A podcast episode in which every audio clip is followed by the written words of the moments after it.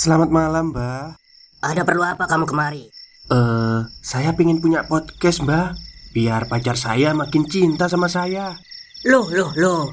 Mau bikin podcast kok tanya dukun? Sekarang kamu download aplikasi Anchor.fm. Di situ kamu bisa buat podcast gratis dan podcast kamu bisa didistribusikan ke platform mana pun. Dan di aplikasi atau website Anchor.fm juga terdapat fitur-fitur yang memudahkan kamu untuk membuat podcast. Oh, gitu ya, Mbak. Kalau gitu, saya boleh minta password wifi-nya, Mbak. Buat apa? Buat download Anchor.fm, Mbak.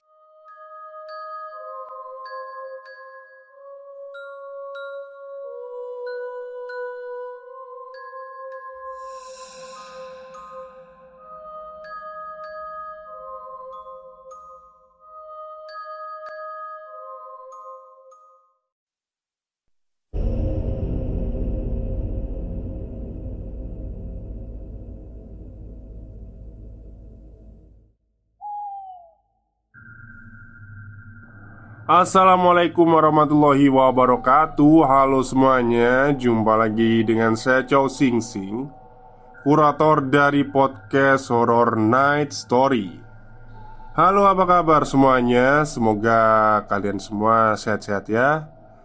Dan seperti biasanya pada malam hari ini Saya kembali Dan akan menghadirkan sebuah kisah mistis untuk kalian semua Kisah mistis kali ini saya ambilkan dari treat horornya Mas Creepy Logi Yang menceritakan tentang rumah angker yang ada di Duren 3 Ah, Sebetulnya itu saya ingin melanjutkan cerita yang kemarin ya Yang pengabdi pocong yang seharusnya sudah diupload siang tadi.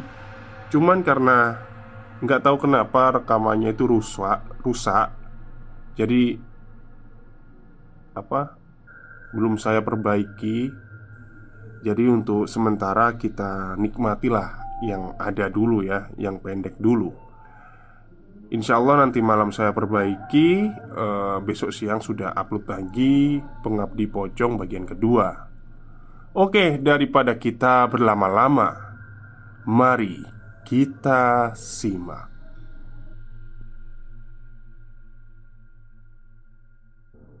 Sumber dari kisah ini adalah klien dari tesis saya. Dia sendiri yang mengalaminya saat masih kuliah sarjana. Lokasi rumah di Duren 3 Perdatam Tidak terlalu jauh dari Potlot TMP Kalibata Atau TKP tempat polisi tembak polisi Ramli Asli Wong Kito datang ke Jakarta dari Empat Lawang pada 2005. Seperti banyak perantau, Ramli ikut kerabatnya tinggal di sebuah rumah besar di Duren 3 dengan tujuh kamar dan diisi oleh 13 orang. Dan dengan Ramli, genaplah menjadi 14 orang. Rumah tersebut disewa tahunan dan patungan Hampir semua penghuni adalah mahasiswa. Kebetulan, saat Ramli datang, rumah sudah ditempati dua bulan. Ramli menempati kamar dempet balkon. Awalnya sendirian, tetapi akhirnya satu temannya pindah untuk mengisi kamar itu. Dari sini saja, sebetulnya sudah ada yang aneh. Kenapa temannya mesti tinggal bertiga padahal ada kamar kosong? Kawan Ramli yang satu ini kemudian membocorkan apa yang terjadi. Rumah gedong itu rupanya angker. Dan yang paling sering katanya beberapa kali kalau mandi itu diganggu. Pintu kamar mandi digedor bahkan ditendang. Dan Pelakunya yang pasti bukan para penyewa. Ramli mengaku dirinya tidak takut pada soal semacam itu. Namun, tidak takut bukan berarti tidak dapat giliran. Saat malam ia makan bersama di meja makan besar. Kemudian, ada dua orang yang sedang diam-diam sehabis baku pukul satu sama lain. Suasana pun jadi agak kaku. Tiba-tiba makan malam yang kurang akrab itu berubah ribut. Pasalnya, seorang yang sedang bermasalah ini menuduh temannya menendang tulang keringnya, dan ia jelas mengadu kesakitan. Anehnya, yang dituduh tidak terima. Jadilah mereka baku pukul lagi. Keduanya dilerai lalu disingkirkan. Sisanya kembali makan namun konyol. Hal yang sama terulang. Seorang kawan Ramli yang lain juga ditendang. Bahkan dia sampai terjungkal. Akhirnya mereka pun menyadari kalau itu adalah gangguan supranatural. Alhasil, makan malam dilanjutkan sendiri-sendiri. Ramli bercerita, ada satu anak namanya Zul yang doyan betul mabuk. Wah, Zul ini suka mabuk. Suatu malam ia membawa pulang berbotol-botol lalu mengajak siapa saja yang mau minum bersamanya. Terkumpullah beberapa orang dan pesta siap untuk dimulai. Tetapi Zul entah bagaimana tahu-tahu bertingkah aneh. Zul meniru suara perempuan dan mengoceh yang bukan-bukan. Bahkan ia berlagak sedang memacak. Memacak itu make upan ya. Memakai liven juga dan menceplak-ceplak bibirnya seperti umumnya wanita habis pakai liven. Mulanya itu dianggap lucu. Anak-anak berdatangan untuk menonton. Sampai Zul kemudian berteriak-teriak sambil menjambaki rambut gondrongnya hingga rontok sebagian. Barulah mereka teman-teman menganggap itu serius. Lambat laun Ramli mengalami sendiri kejadian-kejadian aneh. Pernah juga ia digedor-gedor saat mandi. Yang paling membuatnya jengkel ialah ketika seisi kamarnya berantakan dan ia jadi terbangun untuk menegakkan kembali lemari yang roboh dan merapikan kembali benda-benda yang berjajaran. Dari 14 penghuni, wajar kalau ada yang takut. Empat bulan setelah Ramli tiba, kawan sekamarnya memutuskan pindah kos di tempat lain. Hanya saja Ramli bersikeras tidak peduli. Di kampung katanya lebih seram jika Ramli masa bodoh, ada juga yang menaruh perhatian. Suatu ketika, seorang kawannya berkata, berkata, terlepas benar atau tidaknya, bahwa benar ada pembunuhan terjadi di rumah itu. Korbannya ibu dan anak. Dia mengaku mendapatkan informasi ini dari warga setempat yang masih ingat peristiwa itu. Satu informasi dapat memancing orang lain untuk menggali informasi lain. Di hari lain, penghuni yang satu mengatakan itu bukan pembunuhan, melainkan bunuh diri ibu dan putrinya.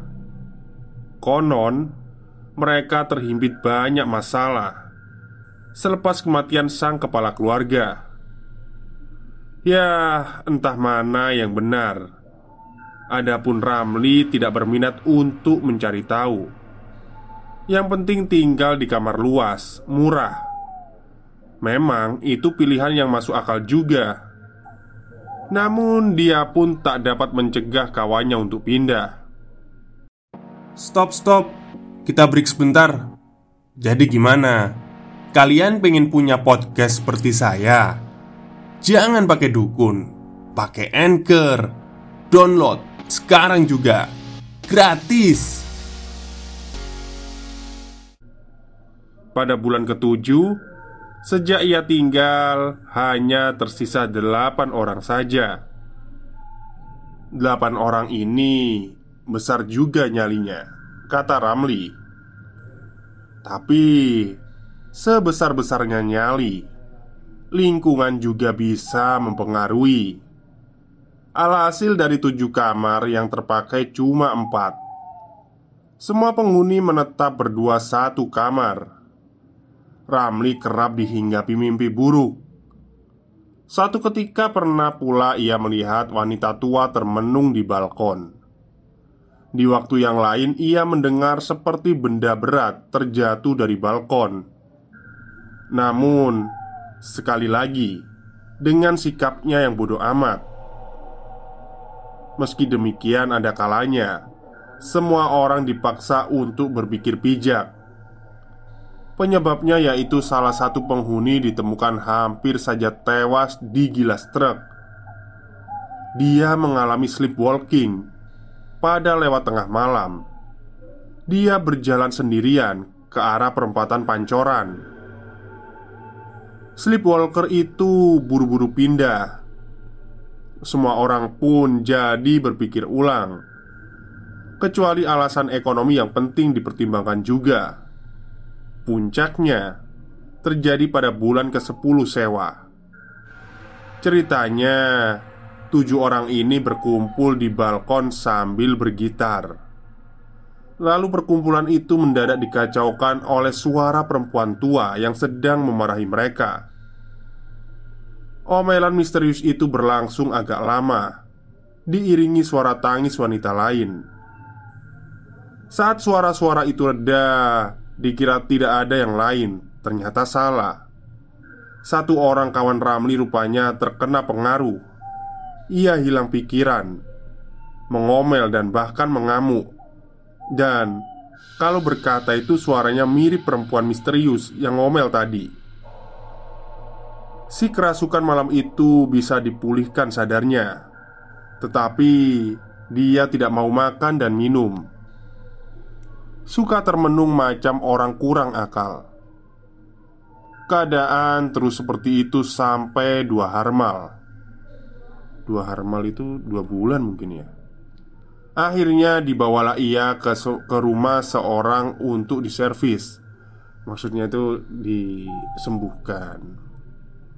Untunglah si kerasukan ini masih bisa diperbaiki hanya saja Ramli dan kawan-kawan disarankan untuk segera pindah Kalau sudah terlalu sering artinya Jin di rumah itu memang tidak suka Dan bisa saja berbuat lebih jauh Singkat cerita para penghuni yang tersisa di rumah itu pindah tak lama kemudian Saat masih tersisa sewa dua bulan Selesai Oke, itulah cerita pendek dari Mas Kripilogi dari treat horornya. Dan selalu ya, Mas Kripilogi itu bahasanya itu tinggi ya kayaknya ya. Apa sih? Nggak tinggi sih. Agak kalimatnya itu ini ya. Ya, puitis ya mungkin ya bisa dibilang ya. Oke, mungkin itu saja cerita untuk malam hari ini. Semoga kalian suka. Selamat malam dan selamat beristirahat.